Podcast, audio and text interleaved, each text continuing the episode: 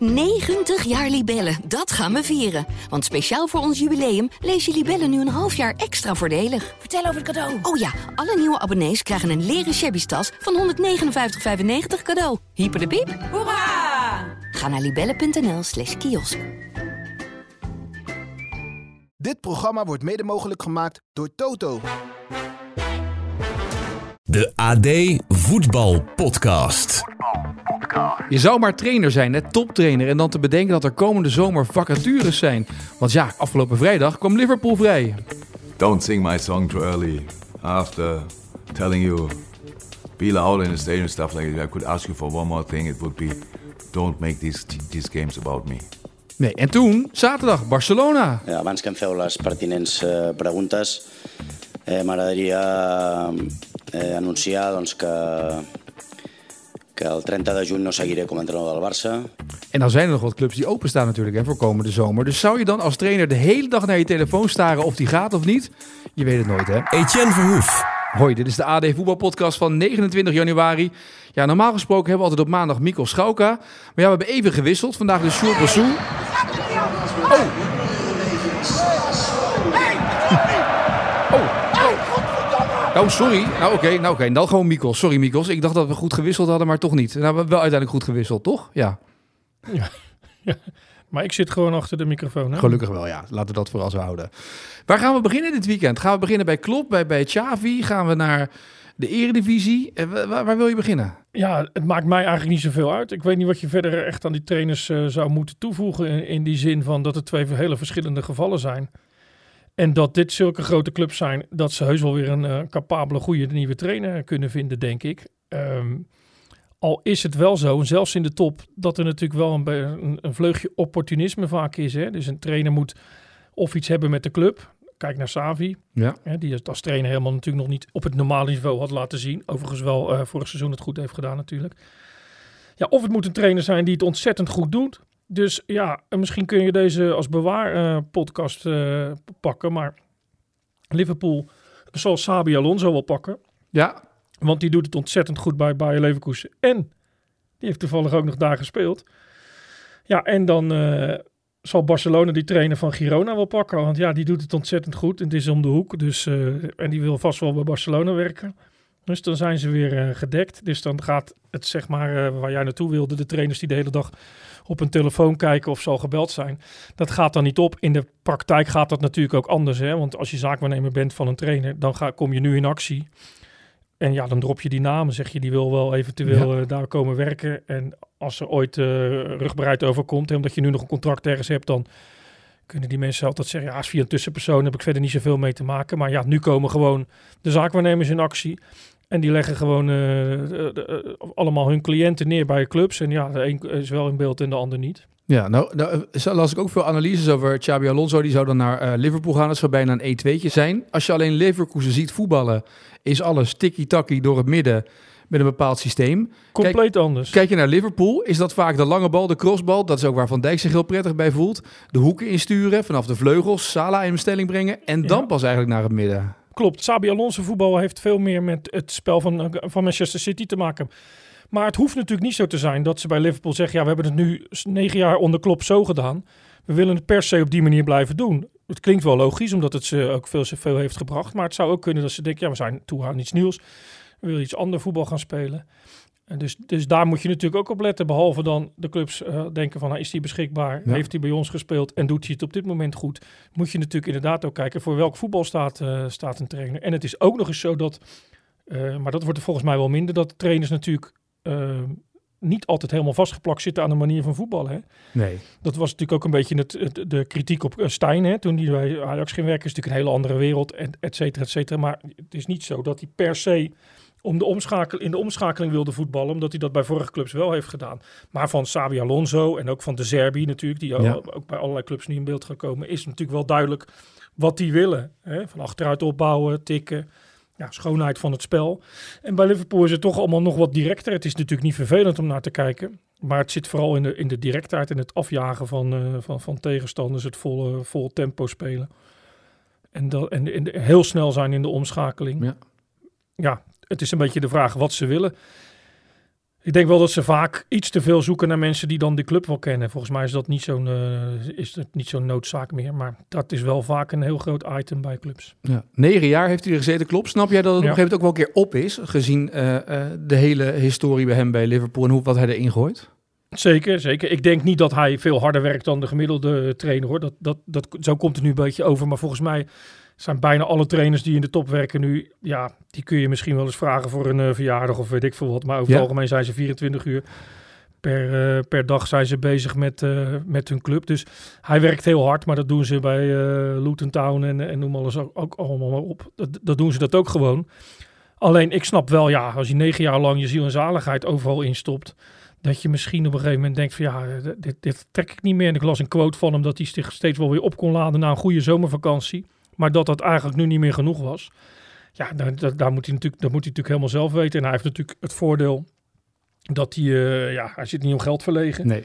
Dus dan kun je ook inderdaad zeggen, ja, ik wacht even een jaartje. Er zijn natuurlijk ook trainers die heel hard werken, maar op een bescheiden niveau. Ja, die kunnen gewoon niet een jaar eruit stappen. Nou, hij kan dat wel doen. Ja, ik vond het op zich wel. Uh, ik, ik, ben niet zo dat ik de hele dag denk: Oh, Jurgen Klopp, van een geweldig voetbal. En wat kijk ik er graag naar. Ik ben niet zo'n adept. Hij heeft het natuurlijk geweldig gedaan daar. Maar ik vind het wel mooi dat hij zegt dat hij dan ook niet meer bij een andere club wil gaan werken. En zeker in een tijdperk waarin je weet dat je daarop afgerekend wordt als je dat wel zou gaan doen. Ja, in Engeland dus dan hebben we wel bij een andere club werken, maar niet ja, bij, klopt, niet ja, niet bij in de, ja. in de Premier League. En dat hij ook voor komend seizoen uh, door niemand te hoeft te worden benaderd, omdat hij het toch niet doet. Dat hebben we natuurlijk wel bij veel mensen Ja. eerder gehoord. Zijn ook in de meer Eredivisie. Ja, Ron Jans volgens mij ook nog. ja. Ron Jans ging ook met pensioen. Die ging het ook een jaar rustig aan doen. En voor je Ja. dat hij bij Utrecht. Dus dat, dat ja, ik, ik kan me wel voorstellen als je zo verschrikkelijk met je vak bezig bent als die mensen, dat je dan na drie maanden ook wel denkt, als je dat niet doet, goh, eh, en wat nu? En eh, ja, zou ik niet weer terug willen in dat, in dat stramien. Hè? Op een gegeven moment gaan ze, Louis van Gaal ook geloof ik, ja, dan gingen ze, dan gaan ze olifanten kijken in eh, Botswana en noem alles maar op. Hartstikke leuk, maar op een gegeven moment heb je dat natuurlijk ook wel weer gezien. En deze mensen zijn zo in die voetballerij bezig geweest dat Ehm, ja, het gezinsleven is natuurlijk iets heel ander, is een heel ander gezinsleven dan dat wij allemaal gewend zijn. Hè? Dus eh, Ja. ja. ze zijn er eigenlijk nooit. En eh, als ze er niet willen zijn, hoeven ze er ook niet te zijn. Nou, als jij geen trainer meer bent, is het natuurlijk heel raar dat je even in een hotelkamer ergens anders zit, omdat terwijl je geen werk hebt. Terwijl het nu, Ja. ja, is het heel makkelijk natuurlijk. Hè? Je komt als trainer ergens thuis, je ja, vanavond slaap ik in het hotel in eh, Keulen, want ik noem maar iets. Hè, je bent daar trainer en je rijdt niet terug naar Dresden, of ik noem maar iets geks. Om, en dat is natuurlijk normaal. Maar uh, ja, dat kan dus niet meer als je, als je echt gestopt bent. En dan ben je het echt wel helemaal kwijt, dat voetbal. Dus uh, ik, ik, neem ook niet aan dat hij dan aan, aan praattafels gaat zitten of zo. Of, of Nee. uh, dingen gaat analyseren. Dus ik ben benieuwd hoe lang, dat, uh, hoe lang die dat leuk vindt. En ik denk dat ze dat sneller niet meer leuk vinden dan dat ze nu denken. Ja. En dan even naar, naar Barcelona. Ik ga hem toch even erin gooien, Xavi. Ja. Haalt hij de kerst? Want ja, als je nu al zegt dat je weggaat in juni... eh, en je speelt zo belabberd zoals Barcelona nu speelt... Ja, ja eens. Ik, ik uh, kan me ook niet voorstellen dat hij het afmaakt. En Laporta schijnt nog achter hem te staan... maar binnen het bestuur schijnen de mensen te zijn die hebben gezegd... dan moet hij maar gelijk ook weg, want het, is, het gaat niet meer. Ja, hij heeft natuurlijk alle recht om te zeggen na het seizoen eh, stop ik. Hè. Eh, dat, dat zijn meer trainers die dat hebben gedaan. Maar het heeft vaak toch wel een eh, psychologisch effect op, op een club. Al is het alleen maar ook op de, hoe je wordt benaderd en hoe je wordt bekeken door het publiek en door pers. Maar ook bij je spelers eh, brengt het vaak iets, eh, iets teweeg. Dus ik kan me ook voorstellen als de resultaten iets tegenvallen dat ze dan zeggen nou laten we dan maar stoppen. Want hij stopt toch al. Je hebt daarin niks meer te verliezen. Ja, eh, laatst wonnen ze van Betis. Dat vond ik dan wel weer knap, want daar won eigenlijk niemand. Dus ik dacht, ja, daar, daar, ga, je- daar ga je eigenlijk voor zitten. Want dan denk je, nou, die gaan natuurlijk onderuit. Ja, nu tegen Villarreal viel het natuurlijk enorm, enorm tegen. Dus ehm, ja, ik kan me voorstellen dat het voor hem ook een beetje erop zit. Het is wel zo, het is natuurlijk... Maar daar hebben ze vaak wel een maling aan op een gegeven moment bij die clubs. Het is natuurlijk wel echt een, een grootheid van Barcelona. Maar dat was Koeman ook, hè? Die werd ook gewoon geslachtofferd. en en toen ging Koeman weg en toen kwam er een bak geld binnen bij Barcelona... waar ze allemaal spelers voor konden halen. Ja, ja, Koeman was dat natuurlijk ook wel in de zin van eh, geweldig gespeeld daar. En eh, de, die, die Champions League gewonnen toen tegen Sampdoria. Maar dit is natuurlijk nog iets, iets Ja. meer. Hè? Een jongen die zelf is opgeleid.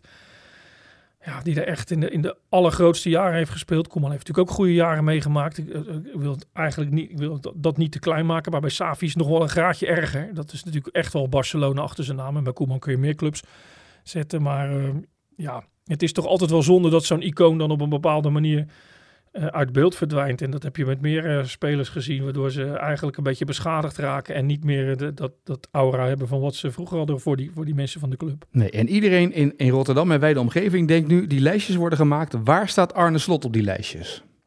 Ja, is natuurlijk heel moeilijk te zeggen. Ik, ik, kijk, als ik nu zou zeggen, Barcelona komt voor hem, dan weet ik al dat heel veel mensen bij deze, het luisteren van deze podcast uh, op de rem trappen in de file en denken, ja hoor, er, wat is dit voor onzin? Maar die was natuurlijk vorig jaar wel op audiëntie bij, uh, bij de Amerikaanse eigenaar van Chelsea en bij Spurs.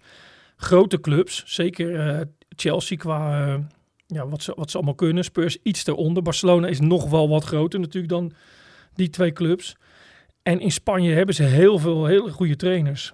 Spelen, trainers die heel goed uh, voetbal kunnen spelen. Dus het is niet per se noodzaak om te zeggen, nou, we, we, moeten hem uit Nederland halen. Dus ik verwacht het in eerste instantie niet. Maar hij was natuurlijk wel in beeld bij, uh, bij, bij andere clubs. En uh, ja, als die, als die, die cirkel een beetje gaat, of noem je het, die, die dingen een beetje gaat draaien. Ja, carousel. Ja, dat woord is. De carousel, carousel ja. ja. Als die een beetje gaat draaien, ja, dan komen er natuurlijk andere clubs vrij. Maar je kunt je ook afvragen, als je nu Sabi Alonso inderdaad naar Liverpool laat gaan, dan komt Leverkusen vrij. Maar zou je nu als trainer naar Leverkusen moeten gaan, terwijl daar eigenlijk al het onmogelijke wordt gepresteerd? Geweldig voetbal, geweldige resultaten. Ja. ja dan kom je daar binnen. Wat kun je dan eigenlijk nog beter doen dan daarvoor? Dus maar misschien gaat de Serbië weg of gaat hij naar Barcelona, weet jij veel. En, en dan komt dat plekje vrij? Zeker, ja. Nou ja die, dus een beetje die, speculeren dit, hè, voordat iedereen gaat overtikken. Nou, dat is het ook. En, en, en de Serbië staat natuurlijk geweldig op in Engeland. En de tijd dat die zou weggaan, dat was al een beetje voorspeld dat het komende zomer zou zijn. Maar er is ook nog een Italiaan natuurlijk, dus daar zou ook nog het een en ja. ander kunnen gebeuren. Daar komt natuurlijk ook wel het een en ander. AC Milan gaat natuurlijk ook wisselen straks. Van uh, Pioli gaat daar ook niet zo geweldig, dus... Ja, het, het is uh, interessant. Normaal hebben we het een beetje om een rond spits. Hè? Die spits gaat weg, die spits. Maar die trainers, dat gaat nu wel echt interessant worden. En je krijgt ook nog een EK. Dus uh, je ja. zou ook kunnen zeggen, voor mensen die nu nog bij een land werken, ja, pak het EK en dan direct erdoor naar, naar ons. Hè. Dus uh, uh, ja, er komt echt wel wat op de markt. Maar in hoeverre slot daarbij interessant is voor dat soort clubs, dat durf ik niet te zeggen. Ik kan me niet voorstellen dat ze bij Barcelona nu zeggen, ja, we hebben, we hebben, we hebben maar één trainer op de lijst. Dat moet hem zijn. Uh, dat verwacht ik eerlijk gezegd niet. Ik denk dat hij daar een graadje onder zit. Maar Chelsea en Spurs waren ook, waren ja. ook grote clubs natuurlijk. Goede zaakwaarnemer staat hij het. Ja. Wat? Goede zaakwaarnemer hebben. Ja, nou ja, dat is natuurlijk eigenlijk Rayola. Hè? Of ja. in, in, ieder geval de Weile, het kantoor van Weile, Mino Rayola. Dus die hebben echt wel uh, grote ingangen. Maar die hebben ook veel trainers vaak onder contract. Maar ik denk dat Arne Slot ook wel uh, realistisch en denkt dat er daaronder, als hij überhaupt weg willen, hè, want ik heb zelf het idee dat hij nog wel een jaartje extra bij Feyenoord uh, blijft. Er staat er nog onder contract, staat geen afkoopsom in. Dus uh, als hij ze naar die tweede plaats loodst, de tweede plaats loodst, dat is natuurlijk, uh, ja, klinkt op dit moment niet zo sexy, maar dat is niet verkeerd. Dan zit hij nog in Europa, stel dat hij ja. het goed doet tegen Roma.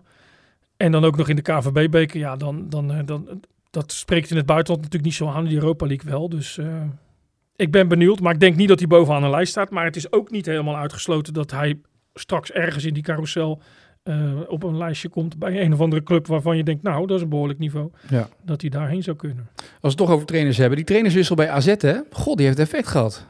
niet, dat hè? AZ nee. voetbalt echt compleet anders, hè? Ja, nou was het wel zo. We hebben een keer toen over Ron Jans gehad. En toen zei je, ja, het is omgedraaid. En toen zei ik, nou, geef hem even tijd. Dus in Maarten Martens moet ook daarin de tijd krijgen natuurlijk. Maar het, heeft, het is niet zo dat het is omgedraaid. Misschien zat het wat dieper. Hè? Dus, uh, en, en ze krijgen nu Feyenoord twee keer. Ja. Hè, voor de beker ook nog. Dus best wel lastig voor hem. Maar ik ben het met je eens, ja. Dat hele vertrouwen is uit de ploeg daar, hè? Dat is echt... Ja, het lijkt wel echt een uh, neerwaartse uh, spiraal. Maar of je dat Martens aan kan rekenen... of dat je had club had moeten zeggen... ja, met Jans was misschien had hem maar laten zitten. is allemaal een beetje lastig. Maar ja, het is niet, uh, het is niet zo dat de AZ-fan gaat zitten en denkt... nou, van Jansen zijn we verlost. Maarten Martens loodst ons wel even naar uh, plek 4. Want Ajax komt nu wel heel, heel dichtbij. Hè? Nou ja, uh, volgens mij stond op een gegeven moment... in het begin van de competitie stond Ajax 20 punten achter op AZ. Moet je nagaan. Ja. Tot hoe ver ze nu gedaderd zijn al. Ja, en als je dan Ajax twee weken geleden tegen Go Ahead zag... dan dacht je, nou, dat is, dat, dat is helemaal... Uh, dat, dat kan gewoon niet. Nee, zelfs tegen Heracles toch de ruimtes die ze achterin gaven... dat leek wel open huis Ook. af en toe. En dat maakt, daar wil je misschien ook nog naartoe... ja, dat maakt die wedstrijd tegen PSV. Ja. Je kunt je bijna niet voorstellen dat PSV geen drie goals maakt. Hè, maar met die aanvallers tegen die ruimtes die, die uh, Ajax voortdurend weggeeft. Aan de andere kant zie je ook, en dat vind ik wel verbeterd bij Ajax ja, ze hebben voorin zoveel klassen. Dat hadden ze natuurlijk al die tijd al. Maar ja, je ziet ook gewoon, elk moment kan er weer een goal gemaakt Ja. worden door Ajax. Dus ze maken volop goals nu, 46. Hè. Dat zit al bijna in de buurt van, eh, van Feyenoord. Die hebben er 52 gemaakt, maar veel meer dan Twente. Ook veel meer dan AZ. Dus op dat niveau zitten ze wel. Alleen ze hebben 35 goals tegen. Ja. En als je dan ziet, PSV heeft er 8 tegen, en Feyenoord 17. Ja, daar zit natuurlijk het grote probleem. En dat zag je nu ook. Gooier is, een- is natuurlijk een leuke speler.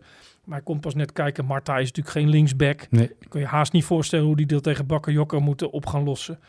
Dus daar zit wel iets in. Maar ja, goed. eh, Henderson gaat beginnen. Hè? Ja, Dus- di- di- dit weekend nog gespaard natuurlijk. Voor de, maar snapte je dat? Dat hij niet ging spelen tegen... Ja, nou ja, ik hoorde de uitleg van Van Schip. En dat zat er me vooral in eh, dat, hij, dat hij ook niet zo gek veel gespeeld meer had in, eh, in Saudi-Arabië. Dus ja, dat vind ik wel altijd wel. Ah, Kijk, hij is er nu snel, maar je ziet altijd dat kopen, kopen, kopen. En dan is een speler er. En dan, dan, dan hoor je pas vaak de verhalen van ja, maar hij kan voorlopig ook nog niet spelen. Dit valt volgens mij mee. Hè? Dus als hij dit weekend kan spelen, dan eh, is dat nog best Ja. wel snel. Het is natuurlijk wel zaak dat, dat hij ook echt fit is om te spelen. Want als je hem dan daarna alweer kwijtraakt, ja, dan is alles weg. Maar Feyenoord heeft nu bijvoorbeeld interesse in een Uruguayaanse aanvaller... waarvan Feyenoord zelf zegt eh, eh, dat ze daar dichtbij zijn... maar nog wel veel concurrentie hebben. Luciano Rodriguez. Luciano Rodriguez, ja. Maar daar weet je ook van, ja, die komt uit Uruguay. Ja. Eh, voordat hij eh, werkvergunningen, en als het allemaal in orde is... voordat hij hier een beetje gewend is... Wat kun je ervan verwachten? Dus het is een beetje krom dat ze heel vaak zeggen van... ja, die spelers geef ze de tijd. Die Boelhouder bijvoorbeeld, die weer terug is naar Argentinië. Ja, als, als je daar iets van zegt, zeggen ze ja... net als Sinistera, geef ze de tijd. Ze hebben zeker een half seizoen nodig, misschien wel een seizoen. Ja, je had, ze zouden nu een speler halen die er dan eigenlijk meteen moet staan. Maar je hebt inmiddels geleerd dat bij slot heb je een half jaar nodig voordat iemand er staat. Zeker, ja, precies. Aan de andere kant, ja, eh, er is meer dan dit seizoen natuurlijk. Maar als het is om nu eh, te repareren, voor wat betreft die eh, Afrika Cup en Ja. Azië Cup hoeft het niet. Hè? Die spelers zijn dan wel weer terug op het moment dat hij zou zijn aangetrokken en eh, mag spelen. Dus daar heeft, het niet zoveel, eh, daar heeft het niet zoveel zin in. Je kunt je afvragen, eh, heeft het voor, voor dit seizoen, kun je daarmee dingen omdraaien? Zou die wel kunnen spelen voordat AS Roma bijvoorbeeld is? Ja. dat soort wedstrijden. Als dat, stel dat Feyenoord straks heel makkelijk naar plek 2 eh, gaat, dat die Europa League snel voorbij zou zijn en die KVB-beker, ja, dat is ook volgende week al. Heeft het dan allemaal veel zin? Aan de andere kant, als het nu een topspeler is waarvan je denkt, ja, nu kunnen we hem binnenhalen. Dan moet je dat natuurlijk doen. Dan heb je hem vervolgens seizoen al binnen. Ik vind wel, en dat wordt steeds erger natuurlijk, door alle social media. Ja, sommige spelers die worden zo ontzettend groot gemaakt zonder dat mensen hem überhaupt hebben gezien. Ja. En dan krijg je ook een beetje het Ivanusek verhaal, hè, waar mensen de Polonaise liepen in Rotterdam van we hebben hem, we hebben hem, we hebben hem. Soetalo, Ajax hetzelfde. Ja. En dan gaan ze eenmaal spelen. Ja, en dan is het is helemaal niet zo onlogisch dat die jongens dan niet meteen enorme uitblinkers zijn. Maar dan valt het snel tegen, ook omdat het verwachtingspatroon zo, eh, zo hoog is. En ja, dan zijn mensen ook snel teleurgesteld als het een beetje tegenvalt. En dan kwijnen ze dus weg op de bank in een wedstrijd waarin Bart Nieuwkoop weer rechtsbuiten is. Ja. En dan weet ik wel, dat zei slot terecht, Ivanusek is geen rechtsbuiten. linksbuiten dan weer of een is tien. linksbuiten, maar Pashao kan ook rechtsbuiten Ja. spelen. Dan zet je Ivanusek links. En het is ook nog zo, als die echt heel goed was, en wo- dan maak je wel een plekje. Ja. En nu is het, is het zo dat het eigenlijk uit armoede is dat je een rechtsback rechtsbuiten zet.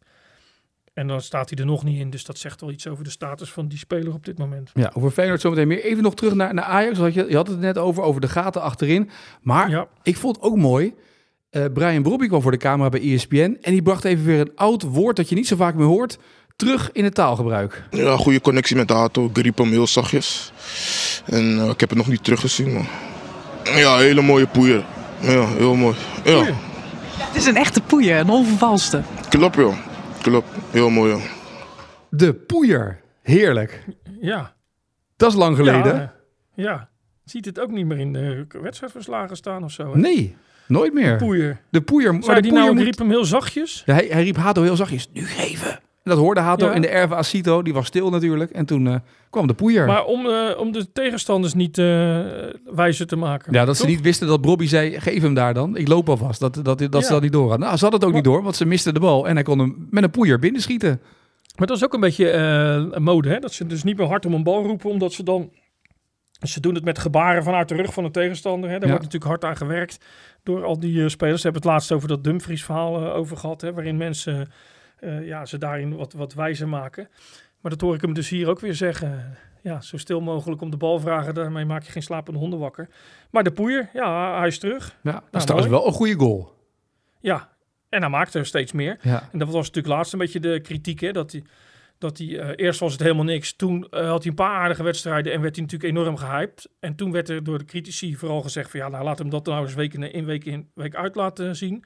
Nou, dat is hij wel aan het doen natuurlijk. Hij, uh, hij laat Ja. dat wel zien. Dus dat maakt hem uh, sowieso interessant op de topscorerslijst, maar ook richting het EK, maar vooral ook voor Ajax uh, supporters. In de hoop natuurlijk dat ze een beetje uit die, uit die malaise komen. Daar zijn ze mee op weg. Maar het zou natuurlijk wat zijn als zij inderdaad nog die derde plek zouden kunnen grijpen. Dan, uh, en, en daarmee Champions League kunnen veiligstellen. Hij heeft er inmiddels 13 gemaakt. Ja. Dus, dus hij nadert toch wel uh, Luc de Jong. Die heeft er 17. En, en daar hebben we de reactie Trek Luc over de streep al bijna opgestart. Nou, bij, het scheelt niet veel, hè? maar dat, is Nee. nog, dat duurt nog heel even. Ik bedoel, het, op het moment dat Wijfels begint erover, dat, die heeft het al een paar keer geopperd natuurlijk, maar als hij echt doorzet, Ja. dan gaat het Nou, lukken. die was ook teleurgesteld dat hij dan net in die twee wedstrijden waarin het niet liep tegen Utrecht en tegen Feyenoord, dat hij zich niet liet zien. Maar Ja. nu liet hij zich weer wel zien.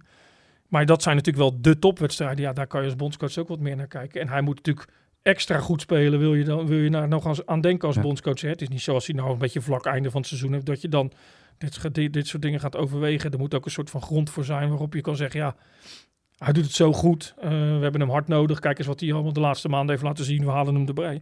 Nou ja, dan zal hij toch eh, nog wat goals meer moeten maken. Maar hij, hij nadert ook de topscorerslijst. en Robbie in dit tempo dus ook. Ja, Nog zeven op- op Pavlidis. Precies. Ja, die, en eh, als AZ zo blijft voetballen, dan raakt hij zijn voorsprong kwijt. Wat mij opviel, eh, dat eh, PSV en Feyenoord allebei spelers hadden... Die, eh, waarbij vijf wedstrijden in 14 dagen toch een beetje te veel begon te worden in 15 dagen. Ja, klopt. Ik vond dat bij Feyenoord ook eh, opvallend. Ik vond dat terugsprinten, daar zag je echt wel dingen in waarvan ik dacht, dat heb ik wel eens wat fanatiek, fanatieker gezien. Het afjagen van Feyenoord is sowieso minder dan dat het Ja. voorheen was. Heeft met het aantal, met, met, die, met, de, met de namen te maken die voorin staan. Maar dat is niet meer van het niveau wat we in het begin hebben gezien. Hè? Van Til, Ja. eh, Linsen, dat soort jongens. Dat is, dat is wat minder.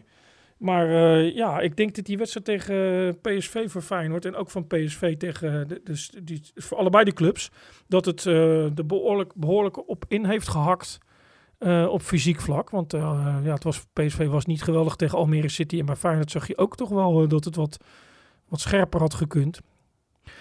En ze had ook heel veel gelopen en daar zei Slot ja. dan terecht over, ja, als je normaal 12 loopt, is het niet tegen PSV in één keer 28. Ja, dat snappen wij natuurlijk ook wel. Maar dan, het zit in kleine marges. Maar soms is het maar 500 meter meer of 600 meter meer. Maar dat is eigenlijk al heel veel. Omdat je, zij eigenlijk al vinden dat je niet veel meer kan lopen dan die aantal kilometers die je normaal altijd loopt. Ja, en er zit ook nog vaak bij PSV was natuurlijk heel veel van die high intensity runs die dan worden gemeten. Hè, van boven de 20, ja. 25 kilometer per uur. Dat wordt natuurlijk nog belangrijker in dit soort wedstrijden, zeker in het tempo. Maar het, iedereen klaagde erover dat het toch veel was voor de spelers. Dat er toch wel een aanslag was geweest, deze vijf wedstrijden in 2024. Ja. ja, dat kan. En het heeft ook altijd wel iets mentaals. Hè? Want fysiek zijn ze denk ik allemaal wel in staat om het te doen. Maar uh, ja, dat hebben we allemaal. Dus natuurlijk als je iets heel vaak, heel vaak moet doen, dan moet je het ook in je hoofd even die schakel uh, kunnen maken. Dus uh, ja. Nou had PSV, deze spelers ook zijn. PSV speelde op de zaterdagavond tegen Almere. Uh, als je kritisch kijkt, zeg je: Goh, het is maar 2-0 geworden tegen dit Almere. De andere kant was dat PSV ook tegen Almere niet heel erg in de problemen is gekomen. En een enorm overwicht had in balbezit. Dus je kan er twee kanten naar kijken. Je kan natuurlijk zeggen: ja, wat matig 2-0. Maar dat is, dat is ook wat verwachting, verwachtingspatroon is, toch? Uh, klopt. Ik had ook wel verwacht dat ze niet echt in problemen zouden komen tegen Almere City. Zo eerlijk moet je ook zijn. Maar ja, ik, als ik PSV-supporter zou zijn of uh, uh, ja, speler van PSV, dan zou ik inderdaad denken: nou ja, het is een rare week geweest. We hebben die wedstrijd, veel, veel besproken wedstrijd bij Feyenoord, verloren. Daarvoor tegen Utrecht moesten we aan de bak. Het is gewoon goed dat we deze wedstrijd ja. hebben gewonnen. Dat is het toch? Uiteindelijk gaat het daarom, zeker als je ziet hoe die opstelling was, met al die spelers die op een andere positie stonden dan gebruikelijk. Ja, kijk, dat kun je niet elke week zeggen. Maar er zitten wel eens wedstrijden bij waarvan je denkt, nou ja, pak die overwinning. Niemand weet straks nog waar deze wedstrijd precies om draaide. En ja, ga dan uit naar de, naar de volgende wedstrijd. En die is natuurlijk interessant. En is het Ajax, uh, Ajax PSV. Maar voor PSV was het natuurlijk vooral belangrijk dat, dat het geen itempje zou worden. Dat ze zouden zeggen, kijk eens, uh, Peter Bos zakt weer in elkaar. En uh, ze zijn in de war naar Utrecht en naar Feyenoord. Gewoon de punten pakken, waardoor dat soort discussies niet, niet oplaaien. Nou, dat hebben ze volgens mij prima gedaan. En nu tegen Ajax uit. Ja, dat is eigenlijk de laatste zware klus die ze nog hebben. Ja, en dan blijkt ook nog dat je nog twee punten uitloopt op Feyenoord op nummer twee. Omdat die gelijk spelen tegen Twente in de Kuip. Dus nou ja, dat is dan winst op de zondag. Klopt, ja. En ook daar, dat was natuurlijk, die titelrace hadden ze wel een beetje opgegeven. Maar je dacht toch, uh, ja, PSV, hè, die, die, waren wel echt wel sterk hoor tegen Feyenoord. Maar ze verloren toch. Dus kwetsbaarheid was wel een beetje aangetoond. je zag dat het tegen Utrecht moeilijk was. Nu zag je het tegen Almere ook. Dus je had toch het idee, ja, als Feyenoord zou winnen, je weet het nooit. Als dan volgende week eh, dat het misschien toch nog spannend wordt in de Eredivisie. Maar ja, Feyenoord wint de wedstrijden gewoon veel moeilijker dan eh, dat PSV dat doet. Ja. En dat zegt eigenlijk wel dat PSV gewoon echt eh, het sterkste is in, in deze Eredivisie. Onderling gaat het wel, hè. Kan Feyenoord zich een beetje optrekken aan dat uh, team. En zeker in de, in de Kuip, waar dat verschil kan worden gemaakt. Ik, ik denk niet dat ze dat zomaar in het Philipsstadion kunnen doen. Dan missen ze echt die, die steun en dan net even dat duwtje in de rug. Maar PSV is gewoon te sterk voor, voor een winterwedstrijd. Te makkelijk. Dit was eigenlijk ook toch wel weer een makkelijke overwinning. Ja. Hoewel Almere City volgens mij echt wel genoeg kwaliteit heeft om erin te blijven. Dat denk ik ook wel. Ja. Die, die, die, die, zeker de manier van spelen houdt ze er wel in. Ja. Maar dan daartegenover staat natuurlijk ook nog dat Twente uh, bijna op 1-0 kwam. Tenminste, die kwamen op 1-0. Maar wat denk je dan als... Je hebt één taak. Je loopt mee en je blijft achter de bal. Ja. Ja, onvoorstelbaar. Dit is ongelooflijk. Als, als, als hij nou 18 is, denk ik nog, oké, okay, weet je wel, dan ben je eager, je wilt scoren in de Kuip. Ja, ik heb er met verbijstering naar gekeken, want we zitten op de tribune en je denkt wel, is hij niet iets te ver? Ja. Maar dan is de volgende gedachte die je denkt, dat werd natuurlijk ook snel gevlagd, maar je denkt dan toch, ja, maar wacht even, hij, hij heeft het volledige overzicht. Het hij flap, moet eigenlijk ja. alleen maar op, ja. uh, op Brenet letten. Dus, en hij maakt ook zo'n gebaarflap van, uh, met zijn vinger van nee, nee, dit klopt niet. Dus je denkt, nou ja, misschien heeft die grensrechter het verkeerd gezien, dan is het een doelpunt. Maar het was vrij ruim. Ja, uh, Oosting zei gretig, was die, te gretig. Maar ik vind wel, dit is wel echt, uh, echt heel slordig, want het is anders 0-1. En je ziet hoe goed Twente toch een voorsprong kan verdedigen met die keeper. Waarvan ik me wel eens afvraag. Ja, PSV hoefde hem toen niet meer. Toen nee. hebben ze hem een Vogo gehaald. Ja. Maar er gebeuren toch wel rare dingen in het betaald voetbal soms. Hè? Toch hè? Want Ja. als ik deze keeper zie, zie ik hem eigenlijk altijd goed. Deze maakt nou- nauwelijks fouten. En sowieso ja. al dat je denkt... Hij sloeg eh, ook uh, Jiménez een keer voor zijn voor zijn hoofd bij het uitkomen. Maar het is sowieso al dat je denkt... Nou, de Rayo Spits... eh, hij heeft toch een beetje dat Piet Schrijvers gehalte. Ja. De been af en toe vooruit zag ik ook voor rust. Hij is zo verschrikkelijk sterk dat je denkt... ja, ik lig straks eh, een week in een donkere kamer als ik tegen hem aanloop. Dus laat die maar gaan. Ja, ik snap niet dat, dat clubs die hem onder contract hebben gehad... dat ze hem zo makkelijk laten gaan. En dan weet ik wel, hij voetbalt wat minder mee. Nou, het was ook niet zo dat een Vogo nou PSV geweldig aan het voetballen bracht of Drommel. Dus Nee. sommige dingen moet je ook niet overdrijven, denk ik. nee. Maar goed, Hoewel het wel een hype is, de voetballende keeper. Zeker, nee, dat is een heel erg ding natuurlijk. Iedereen zoekt daarnaar. Maar het valt me Ja. wel op, zeg maar, Flap, eh, dus eh, daar waar Flap zo'n fout maakt, ja, is een beetje dom wordt er dan gezegd. Als eh Noppert, uh, notabene nog op het WK, eh, wederom een foutje maakt, waar die volgens mij ja, een beetje pech heeft ook met die bal die hem raakt en trapt. Maar dan gaat, eh, die, die krijgt zeg maar alles over zich heen, hè, wat een prutser. Dus als een keeper een fout maakt, dan is het iets heel anders dan wanneer een spits zo'n fout maakt. Dit is gewoon Ja. amateurisme ook van de spits, toch? Zeker, zeker. En, en, maar van, bij Noppert is, speelt het toch iets anders. Het lijkt toch een klein beetje alsof mensen nu eh, een soort gelijk willen halen. Als ze zeggen, ja, het is gewoon heel gek geweest dat hij dat WK heeft gekiept. En de manier waarop hij kwam natuurlijk. En, en dat iedereen dacht, ah, die gaat dan mee als, als penaltykeeper. En eh, ze hebben in ieder geval een lange keeper. Misschien is hij wel eh, heel goed op de training. En noem maar eens maar op. En toen ging hij toch keeper. Dat heeft hij best wel goed gedaan op dat WK. Niet extreem goed, maar ook zeker niet slecht. En zeker niet op dat niveau. Ik denk toch dat dan bij veel mensen ja, er toch iets in zit van... eh, kijk eens, zie je nou wel? Dat was allemaal niet zo goed. Dat Ja. zit toch een beetje in de Nederlander, hè? Dat is natuurlijk een gewoon prima keeper die alleen totaal geen vertrouwen meer heeft. En eigenlijk het, het beste wat die jongen kan overkomen is dat hij weggaat bij Heerenveen en naar een nieuwe club Ja. gaat voor een nieuwe impuls, toch? Maar als je dit ziet, denk je, ja, hoe, hoe heeft hij op een WK kunnen keeper? Ja. Hij heeft ook een beetje pech, wat je zegt. Ja. Verleden week ook met dat balletje dat opstoot. Ik weet niet of dat verleden week of de week ervoor was. Ja, weet ik voor volgens Maar het zit een beetje in, in Nederlanders dat, we dat als iemand een bepaald niveau heeft gehaald, dat we dan eigenlijk allemaal gaan zitten kijken en dan signalen willen opvangen. van, Nou, dat is, valt toch allemaal wel mee. En er zijn een aantal sporters waar dat zeg maar helemaal niet voor opgaat. Hè? Mathieu van der Poel, eh, Max, Verstappen. Ja. ja, dat is van zo'n hoog niveau. Maar ook, ik ben geen dartliefhebber, maar ken er wel een aantal. En die zeggen dan, zie je nou, Van Gerwen met zijn grote bek. Ja. Hè? Maar dat, eh, dan, wint hij niet. Dus Noppert heeft geen grote bek. Maar het zit er toch een beetje in dat we dan toch willen zien... is het allemaal wel zo goed? En dat hebben, hebben meer spelers. En ik denk dat het voor, voor, voor heel veel eh, sporters geldt. Zierikzee doet het hartstikke goed Ja. in de Serie A. Maar je zit toch ook een beetje te wachten... dat- het aantal mensen, daar heb ik dat denk ik... dat hij straks drie wedstrijden niet goed doet... en zegt, ah, kijk, nou, dat valt allemaal wel mee... en zo goed is hij niet. En Het Zeedorf-syndroom is dat een beetje, hè? Die goed was bij alle clubs waar beetje speelde. En dan in Ja. Oranje niet. En dan zeiden ze, zie je wel, het is allemaal een beetje overdreven in het buitenland. En je bent pas echt, echt, echt heel goed als je dus inderdaad categorie van de pool verstappen. Ja. Maar zo hebben ook voetballers gehad natuurlijk. Gullit, Rijkaard, Van Basten. Dat niveau dat je daar boven staat en dat niemand daar nog aan twijfelt. Nee. Nou, dat niveau zat flap niet na die fout natuurlijk in de. Nee. eh, Waardoor Twente Nee. scoorde. Wat de afloop wel mooi was. Twente is bezig met een nieuwe spits. Hè. Ugalde eh, is naar Spartak Moskou. 15 miljoen geïncasseerd. Toen was een beetje de vraag. Waar is Arnold Brugging bij ESPN de afloop aan de trainer Jozef Oosting? Ja, Arnold, is, eh, ja, Arnold is, zit in het vliegtuig, ja. ja. Is die naar eh, Van Hooydonk of is die naar Boadu? Nou ja, goed, weet je, ik, ik vind dat ik altijd... eh, ik denk dat hij naar uh, Boadu is. Ja. En, en, en dat, is, dat is voor jou een... een... Goed, weet je, ik, ik ben niet zo een van, eh, van eh, ja, zo schimmig doen of wat dan ook. Uiteindelijk, ja, we, we moeten er een spits bij hebben. En, en, en, eh, dus we gaan kijken van, eh, we hebben een lijstje. Dus eh, Arnold is daar druk mee bezig en ik wil me daar ook een beetje fan van houden. Nou, vind ik mooi toch dat een trainer Nou, dit zo zegt ver. gewoon. Heerlijk toch? Ja, nou, dit vind ik wel mooi, omdat het altijd... Ik weet ook niet of het nou eh, schadelijk is of, of verstandig of onverstandig. En hij wil het eigenlijk niet zeggen, hè? Nee. Hij zegt eigenlijk in het begin van zijn antwoord, ah, dan moet je... en dan zegt hij het in één keer. En dan zegt hij later, ik wil me er heel ver van houden. Hij heeft net alles al verteld, maar ja... Er wordt soms ook wel erg geheimzinnig gedaan. Hè? Dus eh, ja, waarom zou je het niet zeggen? Ik snap wel, als die het niet wordt, dan kom je bij de volgende kandidaat. Hoewel er nog maar een paar dagen zijn. En dan zegt iedereen natuurlijk, kijk eens, ze wilden liever die. Maar ik zou Boadu best wel spectaculair vinden Ja. als die naar eh, Twente gaat. Vind ik ook. Ik vind het ook wel passen denk ik bij Twente.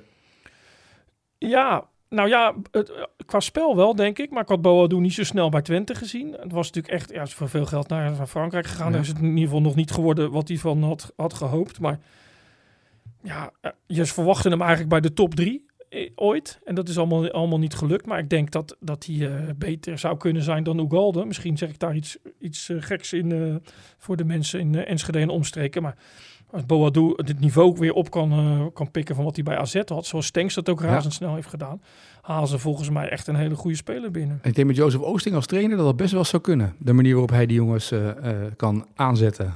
Nou, dat zeg je nu, maar wat, hoe hij zich nu gedraagt, als je voetballer bent, vind je dat vaak ook wel prettig. Precies. En ik weet niet of die in alle gesprekken zo is, maar als je gewoon, eh, ja, what you see is what you get, is, is, kan ook veel waard zijn bij trainers. En je hebt ook trainers die best goed zijn, maar die tegen Pietje zeggen eh, zus en tegen Ja. Klaasje zo. En dat komt heel snel uit in, in kleedkamers. Maar zo is hij niet. Nee, dat gevoel heb ik niet. Ik heb hem nog nooit gesproken, maar ik zag hem vanmiddag ook een persconferentie geven. En dat doet hij ook helemaal eh, niet moeilijk. En eh, eh, ja, daar is hij heel open en, eh, en eerlijk, lijkt het. Dus eh, op dit moment, zoals ik hem heb meegemaakt tot nu toe, en zoals je hem hoort, denk ik dat spelers datzelfde gevoel hebben. Ja, ah, we weten wat we hebben bij de trainer. Ja. En hij zeikt zijn spelers niet af, maar hij draait ook nergens omheen. Dat gevoel heb je niet. Nee, bij RKC was in die podcast met Alex Pastoor toen ook. Toen zaten ze daar eh, voor een opname. En toen vertelde hij ook over dat hij de muur eruit had laten halen. Dat ze gewoon wilden zien wie er binnenkwamen vanuit de trainerskamer. Open gedrag, dat je gewoon kan zien hoeveel spelers erbij lopen. Ja, Dat is op zich wel prettig voor een trainer, toch? Dat je niet in een hok zit. Denk ik ook. En uiteindelijk is het altijd zo dat, dat je als je als speler niet speelt, vind je de trainer een lul. Zo Ja. werkt het 9 van de 10 keer. Maar je kunt hem zeg maar een enorme lul vinden. Of, Of een je- beetje. je- of een klein beetje. En dat je misschien ook nog eens denkt, nou ja, misschien heeft hij, het is ook niet zo makkelijk voor die trainer. En, en dus als je een klein beetje respect voor elkaar kan houden, ja, dat dwing je denk ik wel af door dit gedrag. Ja, Boadu naar Twente mogelijk. Eh Feyenoord is bezig met Lucia- Luciano Rodriguez. PSV met eh Sint-Juste. Ja, Verbaasde je dat? Ja, weet je wel. Eh, dan- omdat hij het eh, in Portugal, daar was hij ook vaak geblesseerd. Maar hij is wel op, op behoorlijk niveau terechtgekomen. hè. Ja. Ja, Sint-Juste werd toen ooit door Feyenoord gehaald als centrale verdediger. En toen kwam hij vaak rechts te spelen. Van En Heerenveen toch toen? Last, ja, van Heerenveen, ja. Hij heeft toen vaak last gehad van uh, blessureleed. Maar hij was wel de snelste speler van de Bundesliga op een gegeven moment. Hè, in, in zijn sprints en zo. Ja. En toen is hij natuurlijk, Sporting eh, Lissabon is geen klein niveau. Staan nog bovenaan ook volgens mij. Ik ben even uit het oog verloren of ze hem daar niet meer nodig hebben. Hij speelt niet veel. Hij, sta, hij heeft weinig wedstrijden gespeeld. Ook, dus daarvoor zou een huurdeal eh, zou dan de constructie zijn. En het zou PSV naar verluid ongeveer een half miljoen moeten kosten. En dan Ja. hebben ze hem voor een half jaar in ieder geval binnen. ja, hij had altijd heel veel potentie en heeft het in het buitenland meer laten zien dan dat wij volgens mij eh, realiseren. Ja. En ik vind het toch wel knap dat hij dat, eh, dat hij dat niveau weer heeft aangetikt. En dat hij er zelf afdwingt dat die grote clubs bij hem terechtkomen. Ja, Bella Kotschap is het natuurlijk niet helemaal geworden bij Nee. PSV. Ja, en met het oog op de Champions League hebben ze natuurlijk nog wel iets nodig. Trainers zullen ook zeggen, we zijn nog geen kampioen. Ik ken, eh, ken al die verhalen wel, maar daar hebben ze natuurlijk in feite niemand meer voor nodig. eh, om dat over de streep te trekken. Ja. En de beker zijn ze al uit. Maar die Champions League, ja, mocht je onverhoopt ook eh, Dortmund uitschakelen. dan is het natuurlijk wel belangrijk dat je echt, echt goed in je spelers zit nog. Dus, nou, mij verbaast het daarom dat PSV geen middenvelder heeft gehaald op de positie van of Veerman of Schouten. Want ik snap dat het ook de meest moeilijke plek is. Ja. Maar je, je, kijkt toch een beetje zo rond van wat, wat heeft dit elftal nodig? En zeker nu voetballend. Ja, je kan met Noah Lang daar proberen te spelen en, en je kan een beetje schuiven. Maar het is toch een beetje schuiven om het schuiven. Dat is zo. Alleen het is wel zo, als jij een speler bent en je kunt behoorlijk spelen, voetballen en jij wordt bij PSV benaderd, dan zeg je natuurlijk ook, ja, maar als uh, Schouten straks weer fit is, als uh, ja. Veerman straks weer fit is, uh, noem ze allemaal maar op. Ja, als Veerman weggaat straks, ja. Ja, dan, dan ga je aan de toekomst denken. Maar met Tilman en zo, het is wel, met Til ook nog, het is wel een middenveld waarvan je zal denken, ja, als die allemaal fit zijn, zit ik op het bankje. Dat schiet ook niet zo heel erg op ja, dan moet je ze inderdaad overhalen met, uh, uh, met toekomstverhalen. Ja. Veerman gaan we misschien straks kwijtraken, dus we hebben jou nodig. Maar PSV is zo sterk op dit moment dat je uh, als speler ook wel weet dat je als je erheen gaat, en dat zal Sint-Juste ook hebben, dat je natuurlijk niet altijd speelt, hoewel Sint-Juste dan nog wel eventueel met Ramaljo hè, achterin, ja. dat, daar, dat daar is nog wel wat te halen. Dat is natuurlijk niet het sterkste deel. Ik zat te denken, bij NEC krijgen ze allemaal aanbiedingen binnen, er zitten allemaal scouts op de tribune voor die Matson, hè? Ja. Als PSV nou volgend jaar Veerman kwijt dreigt te, raken, zou dat niet de ideale opvolger zijn? Ook al is die niet heel groot. Ja, ik, ik, hij valt me eigenlijk pas dit seizoen echt op. Ja? Maar ik hoorde laatst Rafa van der Vaart zeggen, die kende hem al uit Denemarken, dat het echt een, goede, echt een goede speler was. Ik weet alleen niet of het zeg maar echt de stap is die, die zou, uh, of dat er echt nog in zit. Daar ken ik hem niet goed genoeg voor. Hij is 24.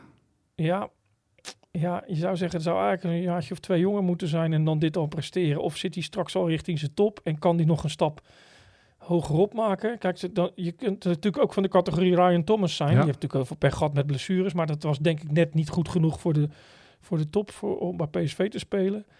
Of misschien ja, uh, ja wel uh, type Wiever. En, en, niet het type qua voetbal, maar wel misschien qua ontwikkeling.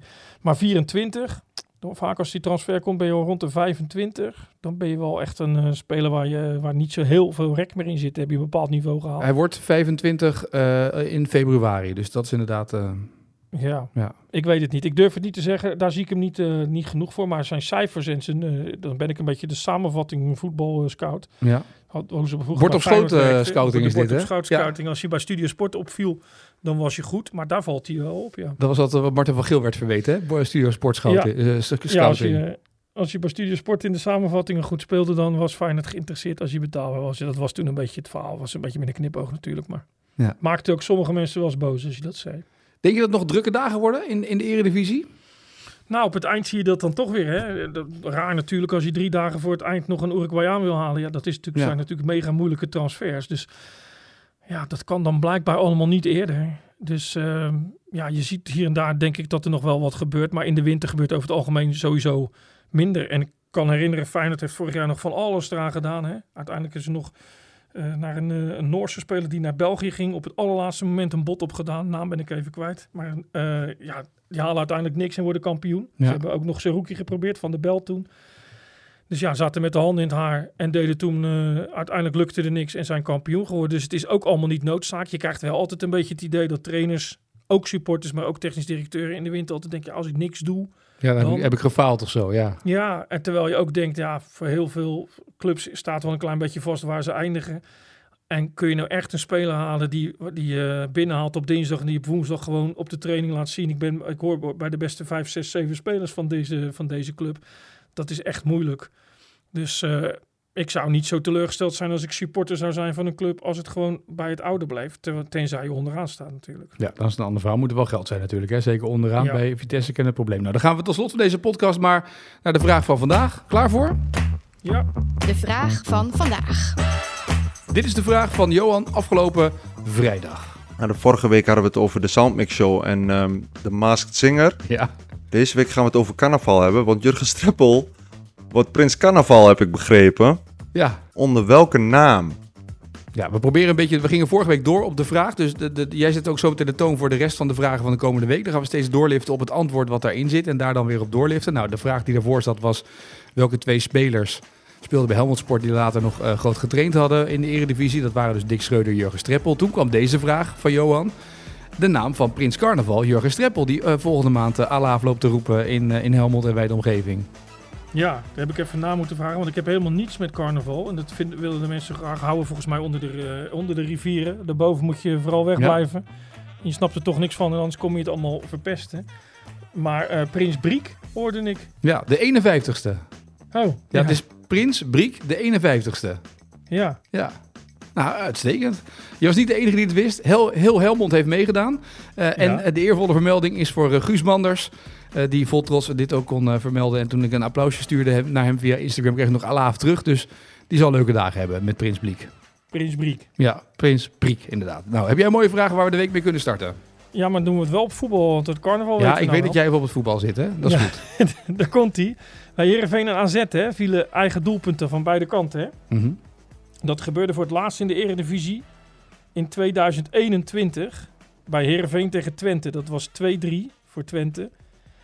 Voor Heerenveen maakte iemand een eigen doelpunt en voor Twente maakte toen iemand een eigen doelpunt. Wie waren die spelers? Eentje is denk ik wel te raden. Ik denk het ook, ja. maar mocht die andere ook weten...